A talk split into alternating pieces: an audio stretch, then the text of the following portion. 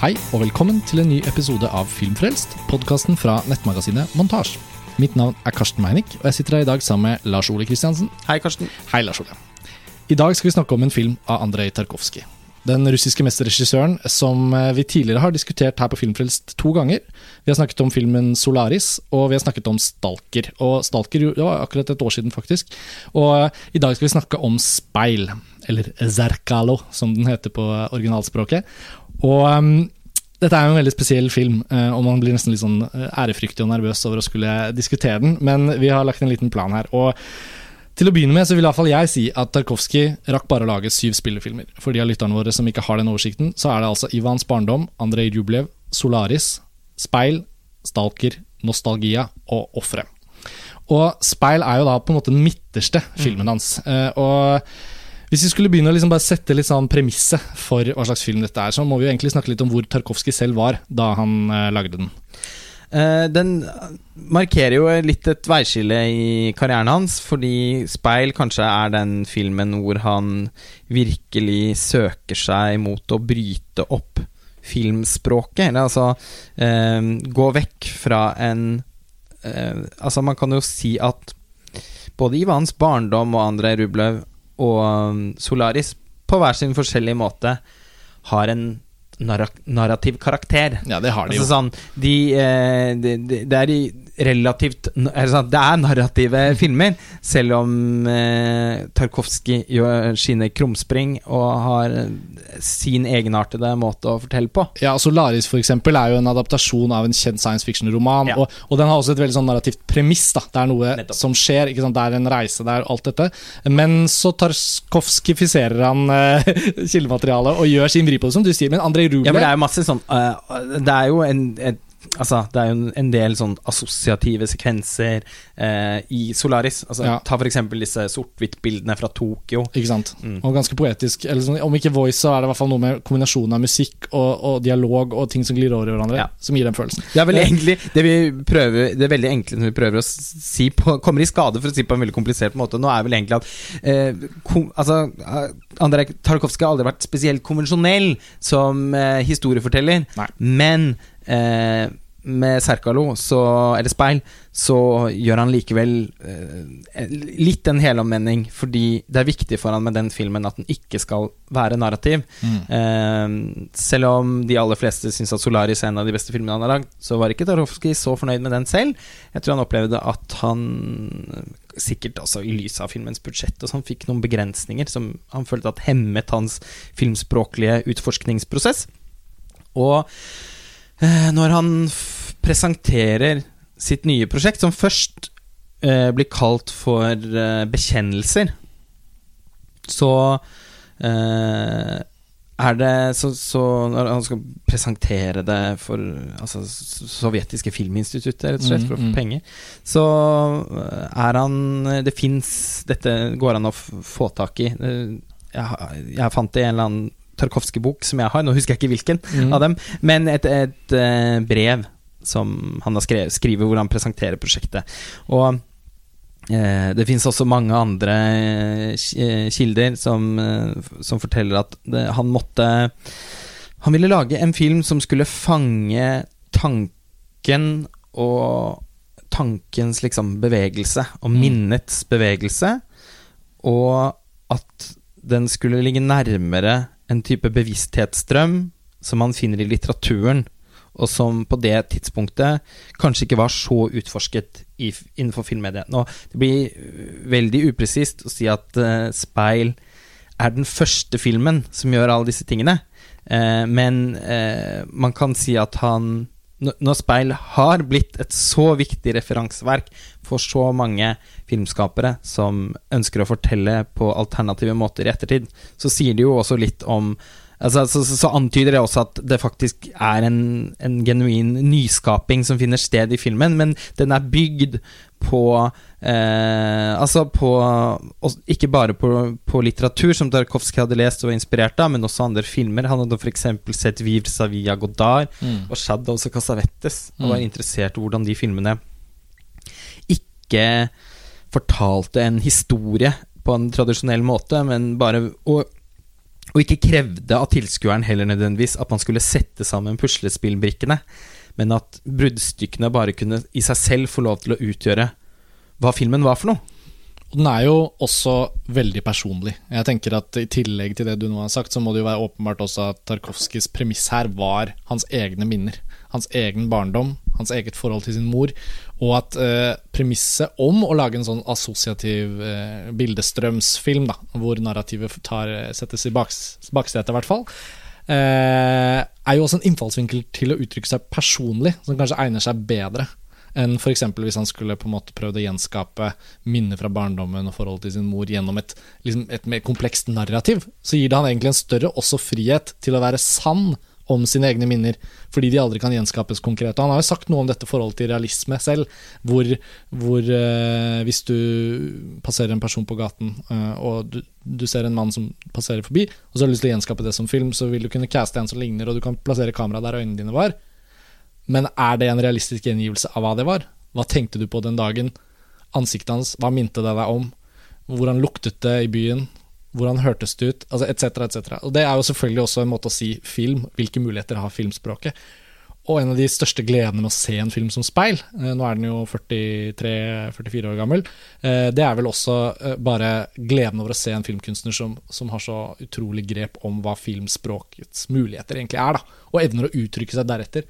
Sånn at uh, vi måtte jo starte, følte jeg, før vi begynner å diskutere vår opplevelse av speil, eller hva, hva vårt forhold til filmen er, med å liksom sette disse premissene. Fordi én uh, ting er å være klar over hvordan Tarkovskij lager sine filmer, og, og hva vi uh, anser som en sånn typisk Tarkovskij-grep. eller ikke sant? Han har vært innflytelsesrik, som du sier. Mange filmskapere er inspirert av han.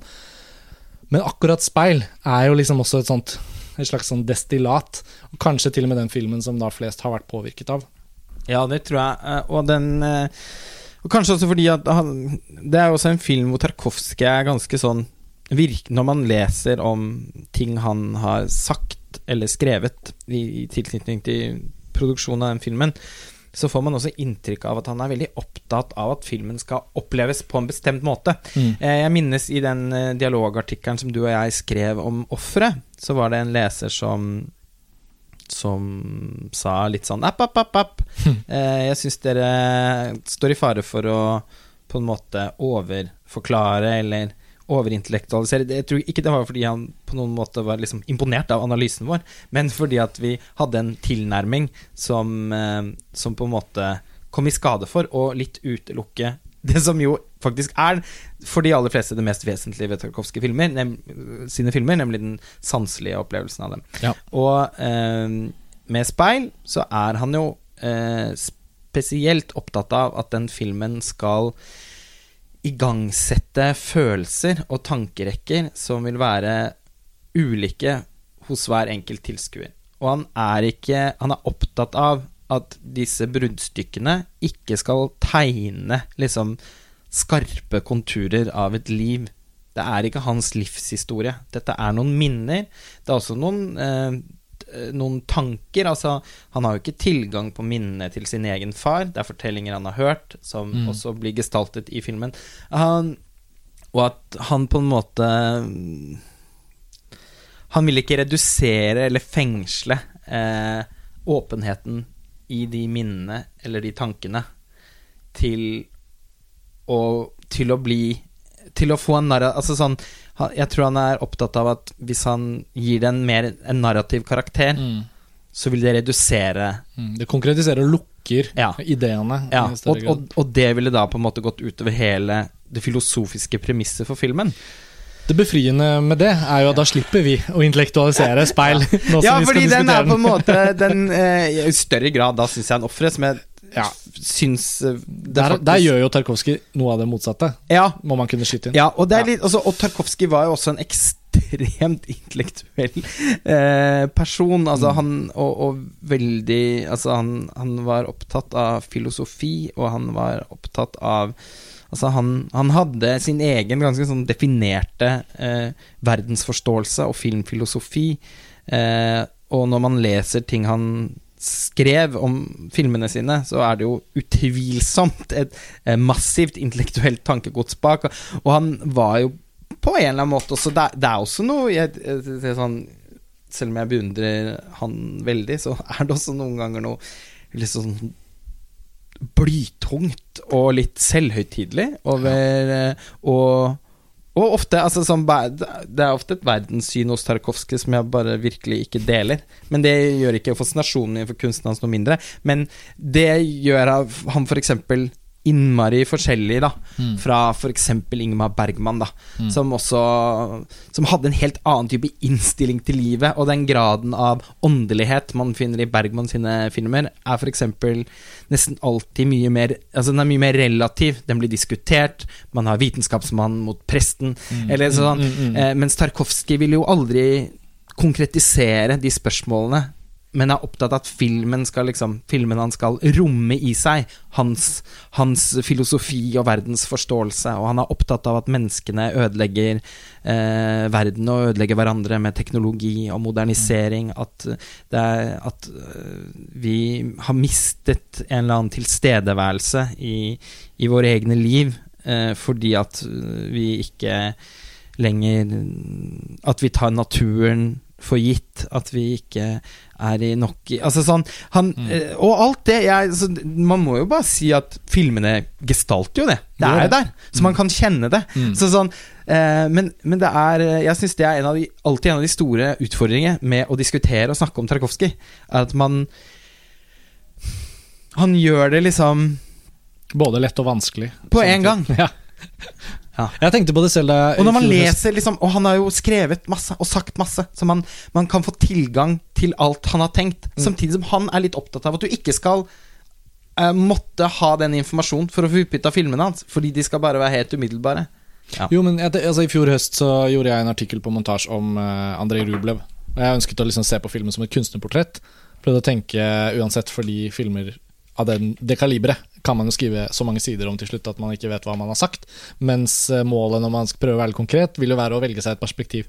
Eh, men etter noen sider i 'Sculpting in Time', uh, Tarkovskijs egen bok, hvor han skriver om sitt arbeid med Andrej Rublev, så kjente jeg liksom at for hver, hvert avsnitt jeg leste av Tarkovskijs tekst, så ble det vanskeligere for meg selv å, å si noe om Andrej Rublev. Altså Jeg måtte stoppe på et tidspunkt. Ja. Det er noen utrolig fine sitater der, så da tenkte jeg at det er klokt sagt. Og filmen står der uansett.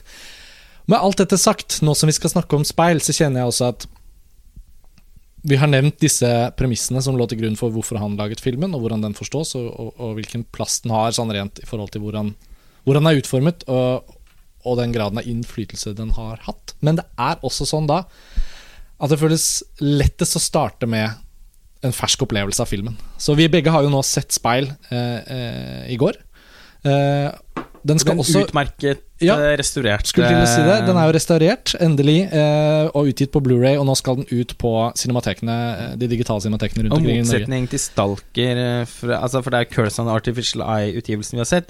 I motsetning til Stalker, for de som husker min blodslakt av den utgivelsen i Episoden vår forrige Tarkovskij-podkast, så var det jo en fryd å se speil Ja. på Blu-ray. Ja. Og det, Hvis jeg kan begynne, da. Så Det er én ting jeg har lyst til å si. Og det er For det første så regner jeg med at de som lytter til denne podkasten, enten har sett Speil eller har lyst til å se den. Eh, og det tenker jeg at man skal. Eh, en så eh, viktig film for de som er interessert, er det på en måte ikke noe spørsmål om. Men Og jeg har vært sent selv med å, med å se Speil, og da jeg så den i går, så var det faktisk bare andre gangen jeg så den. Og alt dette vi nå har vært borti, med Tarkovskijs ønske om å lage en veldig sånn åpen tekst, minne som flyter, man kan egentlig bare oppleve filmen, man trenger ikke intellektualisere den, befrir meg også litt i denne sammenhengen, fordi at da jeg så den første gang, så hadde jeg en veldig sånn veldig emosjonell reise gjennom de forskjellige sekvensene. Og, og, og ganske raskt i denne filmen så skjønner man at man begy- hvis man begynner å tro at man skal trekke tråder fra punkt til punkt, og danne en større sånn, på en måte narrativ mening, da. Vi leter jo nesten alltid etter et narrativ, men når man liksom slipper tak i det og bare opplever filmen Man vil at du skal avlære det. Ja, ja, ja, men ikke sant? Så den første, i det første gjennomsynet så hadde jeg det veldig sånn. Det var ikke det at jeg tenkte at jeg måtte det og tvang meg selv inn, det var bare at filmen fungerte utrolig bra for meg. I går så hadde jeg en ganske sånn, kjø, eller en sånn kjølig reise gjennom den filmen, som eh, på en måte vi også kan diskutere. Eh, det er ikke en kvalitetsvurdering i seg selv, men jeg tror det hadde med det Tarkovskij påpeker, da. Hva slags dag hadde jeg i går? Jeg hadde vært på en lang handletur. Det er kjøring, flytting, planlegging, opp ned. All den Lang list- moderniteten som jo, Tarkovskij jo, men en lang liste over ting jeg vet jeg skal gjøre. Sånn, sånn, sånn, sånn. Så filmen ble på en måte også mitt sånn på slutten av en dag endelig kunne sånn senke skuldrene seg. Men jeg hadde ikke da overskuddet til å liksom bykse inn i filmen. Um, og det interessante med å på en måte observere den da på en måte litt kaldt, var jo at jeg følte at redningen ville være å intellektualisere den. Altså at Fra scene til scene så begynte jeg mer å tenke da på betydning, og, og, og der gir ikke filmen så veldig mye tilbake. Eh, så jeg på en måte prøvde på det man ikke skal gjøre. da eh, Det var ikke bevisst. Nok en gang så bare blir det som det blir. Og så jeg endte opp med I hvert fall, nå skal jeg avslutte. Um, jeg hadde en litt sånn middels uh, gjennomsyn da, av speil. Ja. Mm. Eh, det hadde ikke jeg, men eh, Men det er også eh, Men det er jo på en måte også en av mine favorittfilmer. Og den Jeg har hatt eh, Jeg syns Tarkovskij Nesten alle Tarkovskij sine filmer har den kvaliteten at Eller nesten alle har den kvaliteten at de kan bety litt forskjellige ting eh, ut fra hvor man er i livet. Mm. Og eh, de mange Altså alle har på en måte både hatt eh, visninger hvor de har forsvunnet litt for meg, Mm. Og så kommet plutselig tilbake igjen når jeg minst ante det. Mm. Så jeg har alltid hatt et ganske vinglete forhold til Tarkovskij sin eh, filmografi, selv om noen ting har begynt å liksom stake seg ut etter hvert. Men det som har liksom vært konstanten, det er jo da speil. Mm. For den har jeg alltid syntes har vært helt utrolig, og, og min helt klart min favoritt av Tarkovskij. Mm, Årsaken er egentlig kjempeenkel. Det var den første Tarkovskij-filmen jeg så. Jeg var 19 år, tror jeg, da jeg så den for første gang. Og den gjorde helt utrolig inntrykk. Altså, jeg hadde ikke sett maken, rett og slett. Altså, eh, det brennende huset i skogen, i regnet, eh, moren i sort-hvitt som vasker eh, håret sitt, eh, og så går liksom hele rommet i oppløsning. Altså, det er noen bilder i den filmen som jeg fortsatt sliter med å forstå på en måte nesten hvordan de har lagd. Mm. Altså, hvordan har Tarkovskij koreografert vinden? Det sånn er at den- betryggende at den er laget før CGI-ens tid. ja, ikke sant? Altså, men den er jo på en måte helt sånn Den har et forbløffende håndverk, eh, og den føles også så lite lagd at den er nesten som om filmen bare har lagd seg selv. Og det Mm. gir jo filmen en litt sånn guddommelig karakter. Mm. Og det er på en måte bare noen Det er noen bilder eh, der som jeg og, og lyder, ikke minst. Den har jo så fantastisk lyddesign. Eh, altså Jeg pleier å si noen ganger, hvis jeg skal anbefale musikk til folk Bestemte typer musikk, i hvert fall, så så- må- og så er det viktig at du må høre høyt. Og så føler jeg nesten alltid at jeg aldri blir tatt på alvor. Mm. Jeg hører alltid på musikk kjempehøyt. Ørene mine får sikkert lide for det en dag. Men eh, dette er jo en sånn film som må liksom skru opp volumet. Mm. Speil skal liksom Ja, for selv når den er stille, så har den et utrolig lyddesign. Mm. ja, alltid liksom et Altså, ekko eller Bildet av eh, moren som vasket håret, som du trakk fram akkurat. Den lille ja. dryppelyden. Åh, det er fantastisk dryppelyd! Ja, altså Beste sånn, dryppelyden i hele filmhistorien.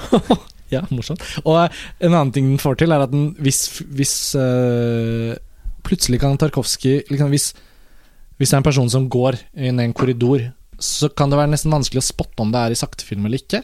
Kanskje er det ikke saktefilm, men lyden Mm. eh, er, er på en måte i sakte lyd.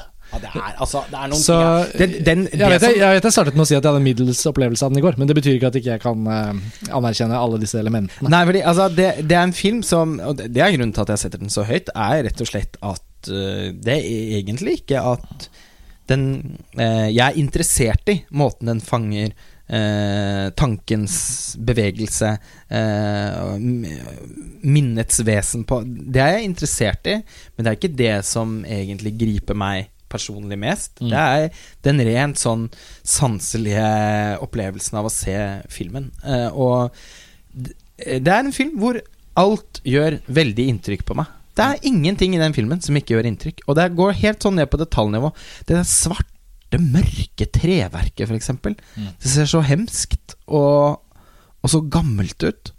Uh, på en måte som Altså, det er den, den, le- den leiligheten i filmen som har et rom uh, hvor veggene er som blanding av et merkelig form for tapet hvor, som er mørkerødt og mørkebrunt. Eh, ser forferdelig hemskt ut, eh, og innmari vakkert på Det minner meg om noe David Lynch eh, kunne ha gjort. Mm. i, i Twin Peaks Fire Rock With Me. Eh, det er vel faktisk noen tapeter i den.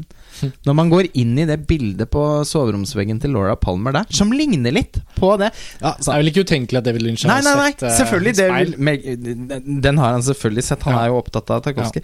Men uh, også er det Det er også inni den leiligheten så er det noen sånn Sånn plater av sånn gulllignende metall. Mm. Som, er, som gir en sånn skinn når ansiktene står foran, som også bare er en sånn en besynderlig detalj Mm. som gjør så inntrykk. Ja. Og, og sånn syns jeg det er hele veien. Eh, jenta med de sprukne leppene. Ja, Eh, en fin detalj. ja, og Også kamera. måten hun er filmet på. Ja, eh, og kameraarbeidet. Altså disse eh, lange sidelengs kjøringene som zoomer inn og ut, og som, på en sånn helt utrolig måte. Mm. Uh, det ser man jo altså Det er ikke spesielt for speil i Tarkovskij. Filmografien har masse av det i Stalker, f.eks. Absolutt. Ja, det, Det er bare noe Ja. vi vi sier jo at det er en ikke-narrativ film, og det stemmer jo, men, men uh, en ting vi kunne bare ha nevnt også, i hvert fall for de som hører på og som ikke har sett filmen ennå, så kan man jo konkretisere uh, noen av de personene vi forholder oss til.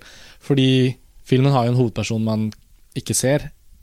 Det er jo eh, en reise som også er minne, eller eh, Jo, minner, men også sanseinntrykk som tilhører en person som liksom vi inntar perspektivet til, da, gjennom kameraet. Og så er det han som barn, og så er det hans mor, men også hans kone. Uh, og her er det jo noen av de samme skuespillerne som spiller forskjellige rollefigurer og sånn. Uh, og de har noen flotte navn. Jeg vet du har notert dem fordi det er så fint å få sagt. Ja.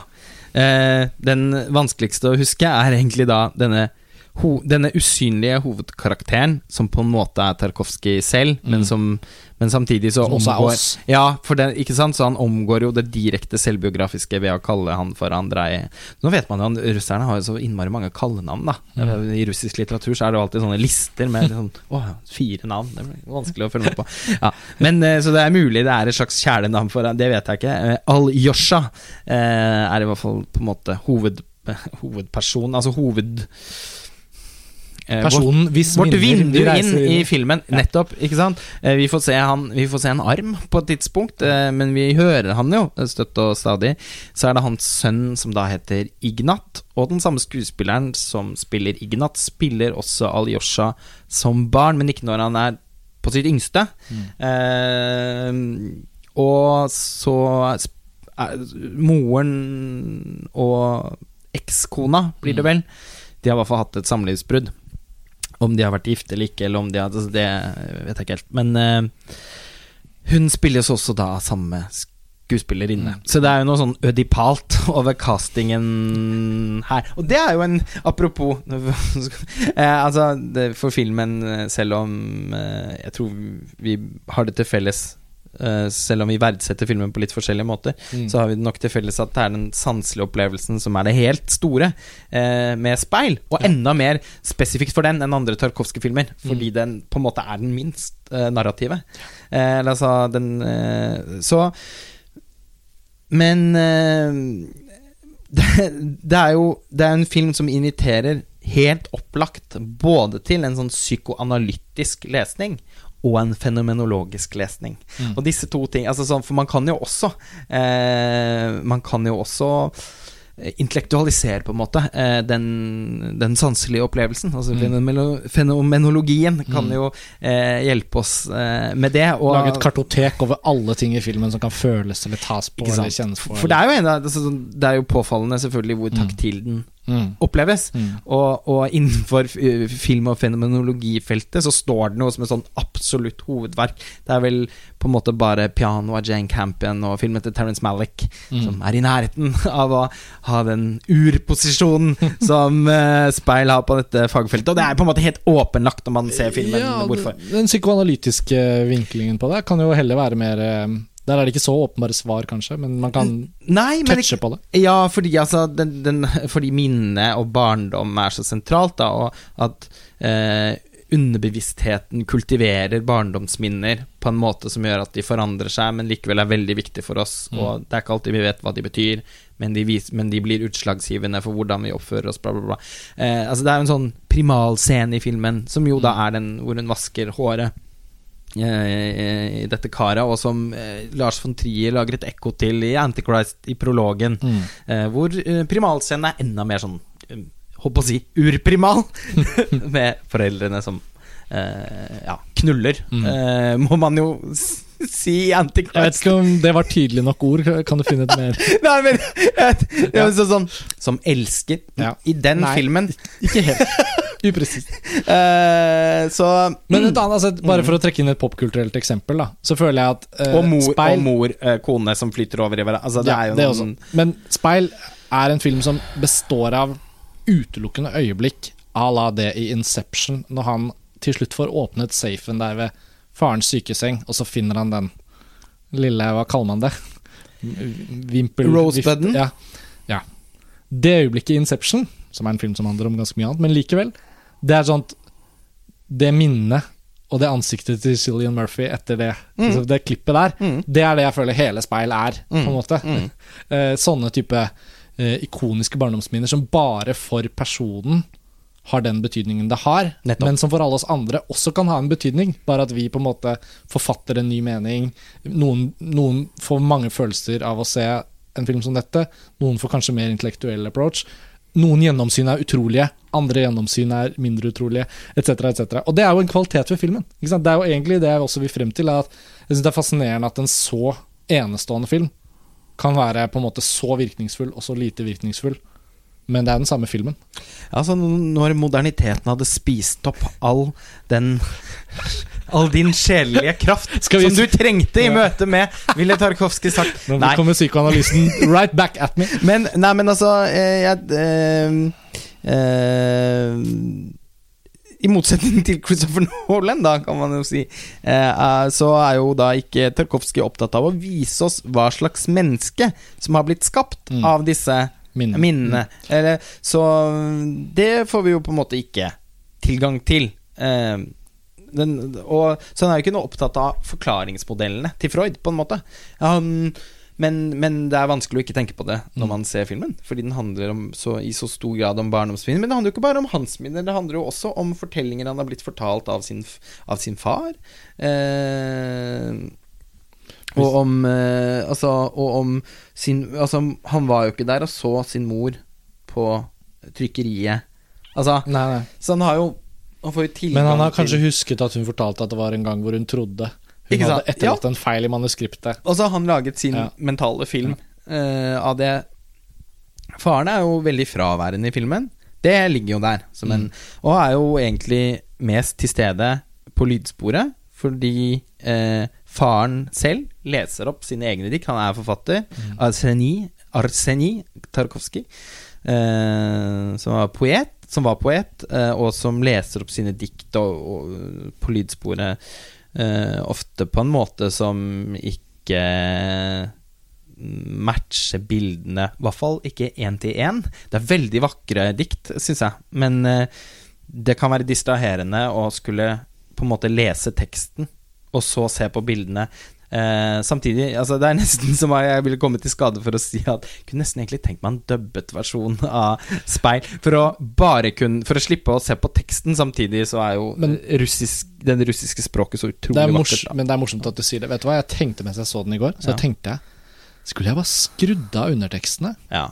For det er en sånn film hvor jeg tenker sånn Nå har jeg sett den før, jeg vet omtrent liksom eh, hva man kan forstå, og det er veldig lite av det man måte, må forstå for å oppleve filmen. Jeg gjorde det ikke, men kanskje neste gang jeg ser den, så faen meg tenke å skru av underteksten. Altså, for da, de diktene òg jeg, jeg rekker jo ikke å lese. Altså, Nei, nei. du, da måtte man jo hatt de separat, og det Satt og tenkte, men nå blir det ikke sånn Jeg tror de faktisk følger med i den bookletten på den Curzon-utgivelsen. Ja. Mm. Nå kom jeg på at det var der det brevet til Ja, eh, Er det der det Fra står? Ja, til og det, og det må Filmselskapet, sies, altså. Eh, nå skal cinematekene sette den opp på syv norske byer, så det er jo ingen tvil. Hvis man ikke har sett speil, så er det jo ingen tvil. Nå er det en glimrende anledning til å se den på stort lerret. Når den anledningen har passert, og man har lyst til å kjøpe den på fysisk format, for den er selvfølgelig ikke på noen streamingtjeneste, så er jo den britiske utgivelsen utrolig flott. da Uh, Restaureringen fantastisk, ligger ved en buklet og sånn.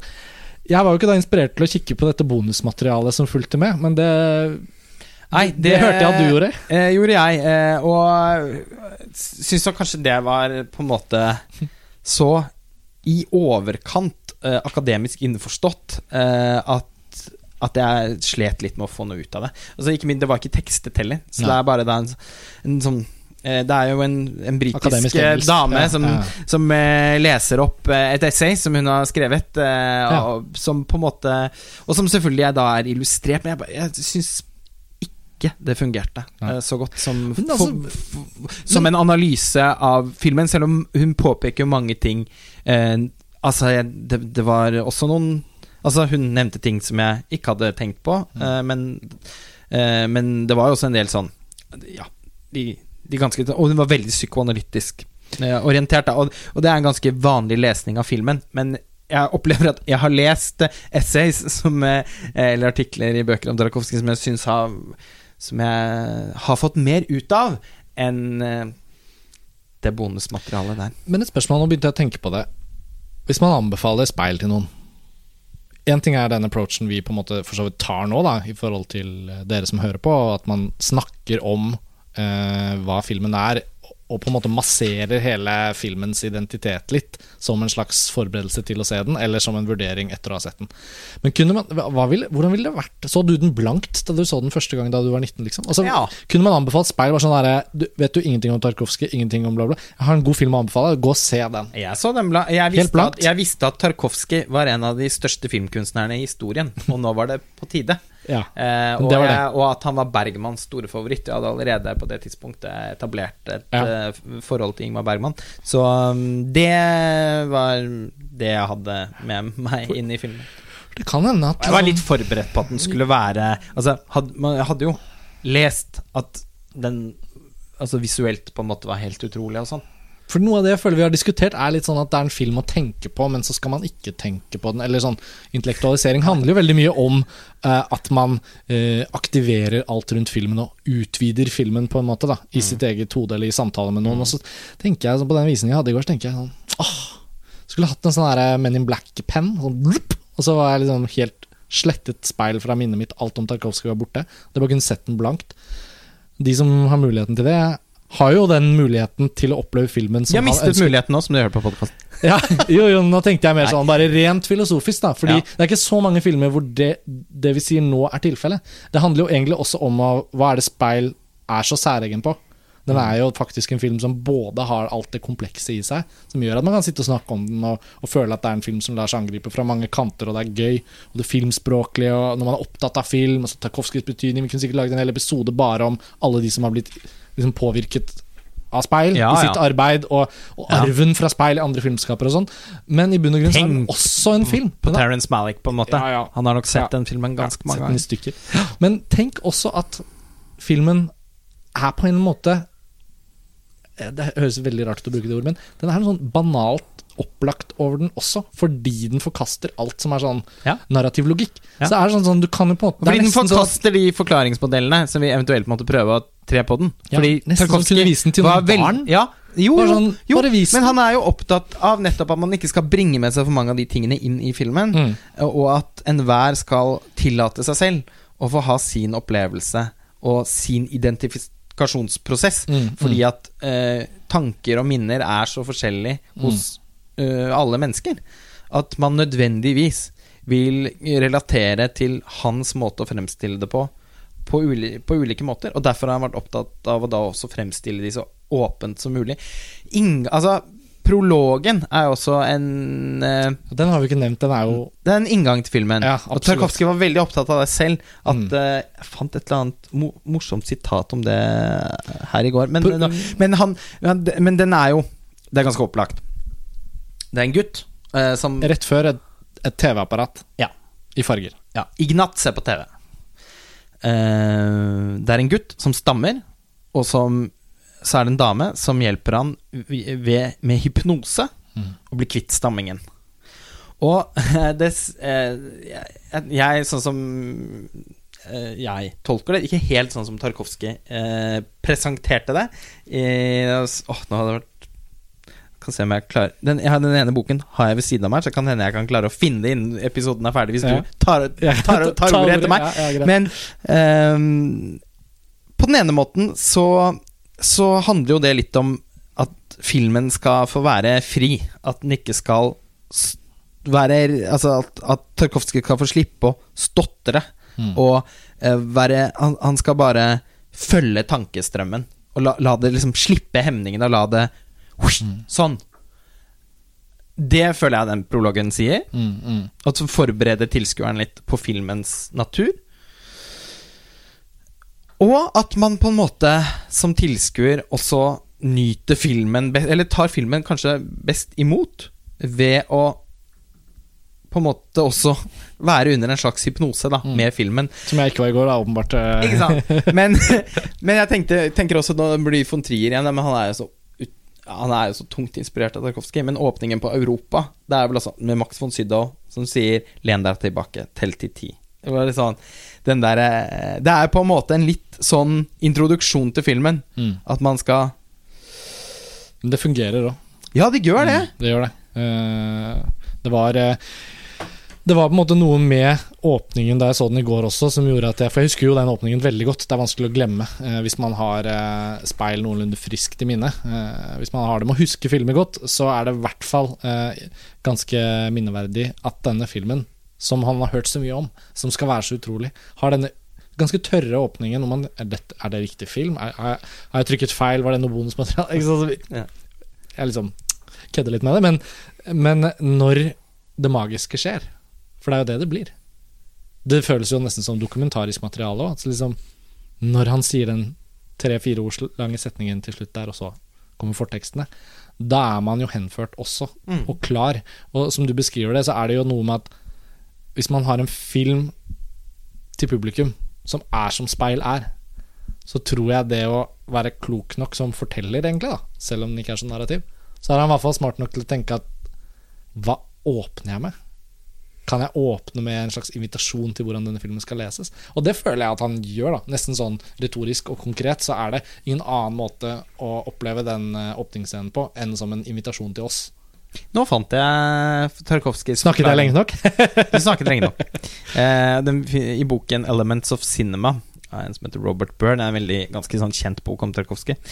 Eh, og Tarkovskij forklarer The prologue is a kind of key to the film, and from the very beginning prepares the spectator to perceive the artistic meaning and stylistics of the picture. Without the prologue, the film will simply be incomprehensible. Oi. It prepares the spectator for the dramaturgical nature of the work, where the action unfolds more by associative laws of music and poetry than by the usual canons of cinefiction. Men han er jo også villig til å forklare når det, når det trengs, da. Det er jo herlig med Tarkovskij at jeg føler at det han har etterlatt seg av, av sitater eller bøker og tekster han har skrevet, så har han jo ikke holdt tilbake med å liksom diskutere som du snakket om innledningsvis i episoden, hva han er opptatt av, altså sånn det han ønsker å formidle i filmene sine. Men jeg synes jo sånn som da jeg leste den biten om Andrej Rublev sist, fra, fra um, Sculpting in Time og sånn, føler jeg liksom han Kanskje han gjorde det overfor noe presse som han ikke likte. At han sa 'jeg vil ikke forklare min egen film' og sånn. Men samtidig så føler jeg at han har vært veldig sjenerøs. Og det hjelper jo oss nå som han har gått bort og de filmene står der, så er det jo veldig fint å kunne også gå til kilden selv. Da. Ja, og det er fint å kunne se at Tarkovskij også sånn eh, Han var ikke så pretensiøs at han ikke Nei. skjønte at han måtte diskutere det han holdt Nei, og, og at han også så Altså, han lot seg også inspirere av, av, av Godard. Og av liksom Mm, eh, Og mm. av Casavetes. Og at Mm. han var også Man kan Fordi han er en sånn gudeaktig skikkelse, så kan man ofte også få inntrykk av at liksom Tarkovskij og filmene hans bare vokste opp av jorden. Eh, men det var jo naturligvis ikke så enkelt. Og så har man den ene anekdoten om at ja, men Tarkovskij han var fan av Terminator. Eh, og det var nok ikke fordi han var så, var så interessert i sjangerfilm. Eh, jeg tror nok han syntes 'Tankegodset', som James Cameron bød på i den filmen, var Ja. veldig spennende. Og den filmen har jo litt sånn Har ikke den noe litt sånn russisk over seg? Jo. Jeg kom, jeg kom på ting nå du snakket om det, det med Men ikke sant, igjen for å ta Bergman han var jo, men, men, men hans image, da, er Ja. på en måte ikke Bergman som sitter på fore med eh, sine 3000 VHS-er og Nei. ser på Jurassic Park og tykker at den er helt aldeles fantastisk. Det er Det er ikke Tarkovskij. Nei. Nei.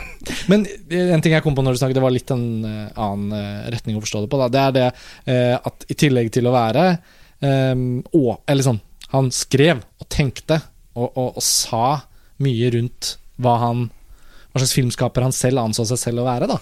Mm. Men eh, det at du sier at disse filmene ikke vokste opp av jorden, det fikk meg til å tenke på at det praktiske med film kan man på en måte bare aldri komme bort fra.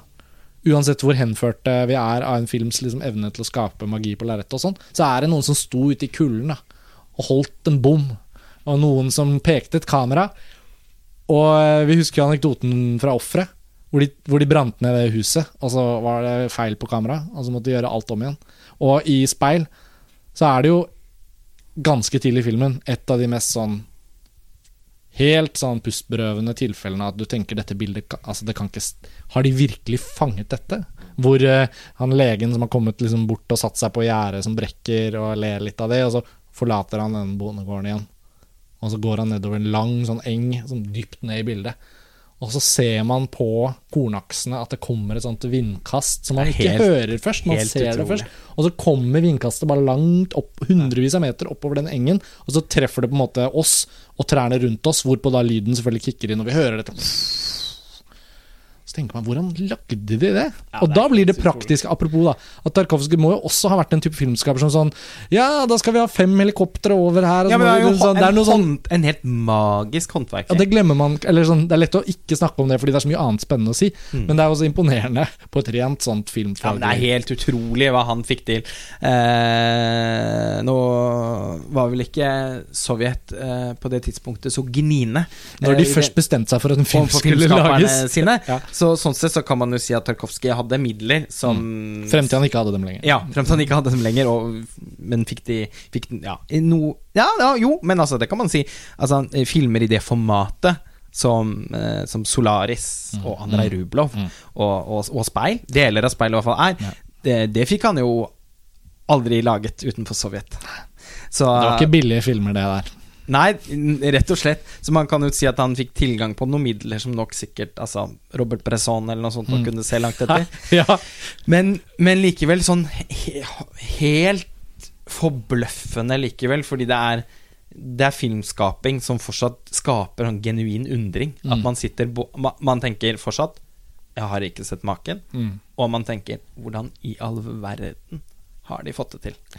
Så der kommer vi tilbake til den filmen har laget seg selvaktige kvaliteten, som, Mm. som Speil og flere Tarkovskij-filmer har. Um, Vi nærmer oss jo slutten av episoden nå, for så vidt. Uh, alle hører jo på oss at Speil på mange måter er en film man både kan snakke ett minutt om og tusenvis av minutter om, på sett og vis. Uh, vi er alltid begrenset til en viss grad. Eh, vi er jo aldri helt begrenset. Men vi skal ikke snakke om alle Tarkovskij-filmene samtidig, så det blir med speil. Altså, hvis vi skulle begynne å liksom nærme oss slutten, Lars Ole, er det noe du, det noe du liksom litt sånn brenner inne med? Har du noen flere sitater? Ja, ikke sant? Jeg brenner inne med et sitat til. Fordi Ja. eh, det er en eh, svensk bok om Tarkovskij som heter 'Tarkovskij tanken på en hemkomst'. Som, eh, som er en litt sånn tåkete, men fin bok om Tarkovskij som jeg ofte har vendt tilbake til når jeg har sett filmene hans på nytt igjen. Og eh, jeg leste opp igjen dette essayet om Det ene essayet om speil her, som heter 'Innfør spegelen' av Ingela Romare. Og det var et eh, Det var et, av, et bitte lite avsnitt som jeg syns var så fint. eh, som, som jeg Da leser jeg det. Forsøksvis på svensk, da. Det finns många märkliga blickar i spegeln. Helt felaktiga i en konventionell framåtsträvande berättelse. Istället fyllande en uppgift, tror jag. Att få oss till att se i en annan riktning. Ibland bakåt, ibland inåt, ibland utåt, men sällan framåt. Det syns jeg var så fint sagt. Mm. ja absolutt. Altså, det, Der Mm. syns jeg man klarer å Det åpner også filmen opp veldig. Eller sånn. Ja, Mm. Og det fanger liksom en sentral, eh, et sentralt element ved eh, Tarkovskijs ja, filmfilosofi, som vi kaller det. da At, at man er til stede. eh, At man er opptatt av eh, det som er nå, og ikke det som kommer etterpå. Og det er jo en, noe som Det har jeg ofte tenkt på selv. At noen ganger så tenker jeg at jeg, altså at jeg kom, At jeg reduserer mitt eget liv fordi jeg bare tenker på ting som skal komme etterpå. Istedenfor å være til stede i et øyeblikk og tenke på hvor godt den maten smaker, eller hvor utrolig hyggelig og fint det er å ha de samtalene og drikke den minen akkurat nå. Mm. Så sitter jeg likevel og tenker på Men i morgen så Ja, da skal jeg få sett en film klokken fire, og så på kvelden så må jeg prøve å ikke flakke meg for sent. Fordi jeg skal Altså Mm. eh, Vi er fanger av det alle, på en eller annen måte, tror jeg. Ja. Det er Veldig vanskelig å se for seg Jeg tror ikke jeg kjenner noen som kan si at de er helt eh, Ikke sant? Og de eh, tingene Bortsett fra et par mennesker som tok en annen sti inn i skogen, som vi aldri hørte fra igjen. Nei, ikke sant? Ja, men altså, de, for å på en måte oversette Tarkovskijs tankegods til noe, noe som er evig aktuelt, da, og Mm, igjen mm. identifiserbart, så var han nettopp opptatt av at man skal stoppe litt opp. Grip dagen, er det det? Mm, Mm. Ja, men altså eh, Men ja. Det er jo ikke en klisjé uten, uten en grunn. Nei, ikke sant? Fordi det er Altså, så sant, Ja, rett og og at man eh, at, den, at det er en undring som går tapt Mm, hvis man hele tiden bare beveger seg framover. mm, Og jeg syns det er veldig fint eh, oppsummert av hun Ingela, da. mm. Romare. Og det vi også har Eh, snakket om, føler jeg at penser inn på det samme. da altså en, Noe av narrativets natur er jo at fortellinger som regel peker til et mål. Vi vet hvor vi skal. Vi kjenner til fortellingens eh, på en måte vesen, og så er vi med på den reisen og forventer at den skal komme dit hvor vi skal. Altså tenke fremover på mange måter. Men det han ber oss om, er jo på en måte å se speil da helt bare bilde for bilde. Nettopp. Eh, og kanskje det er et fint sted å avslutte på også. Jeg merker kanskje jeg burde se den igjen i kveld. Og, og bruke hele denne samtalen til å få et enda bedre gjensyn med speil. Men heldigvis er filmen der, og den er nå tilgjengelig da på denne fantastiske Blu-rayen og på cinematekene. sånn. Aldri har vært en bedre anledning egentlig til å enten oppdage speil første gang, eller gjenoppdage den. Og, og se den i nuet. Ja, takk for at dere hører på Filmfrelst. Det var vår samtale om Andrej Tarkovskijs Speil. Eh, vi er straks tilbake med nye episoder av podkasten vår. Ha det bra. Ha det bra.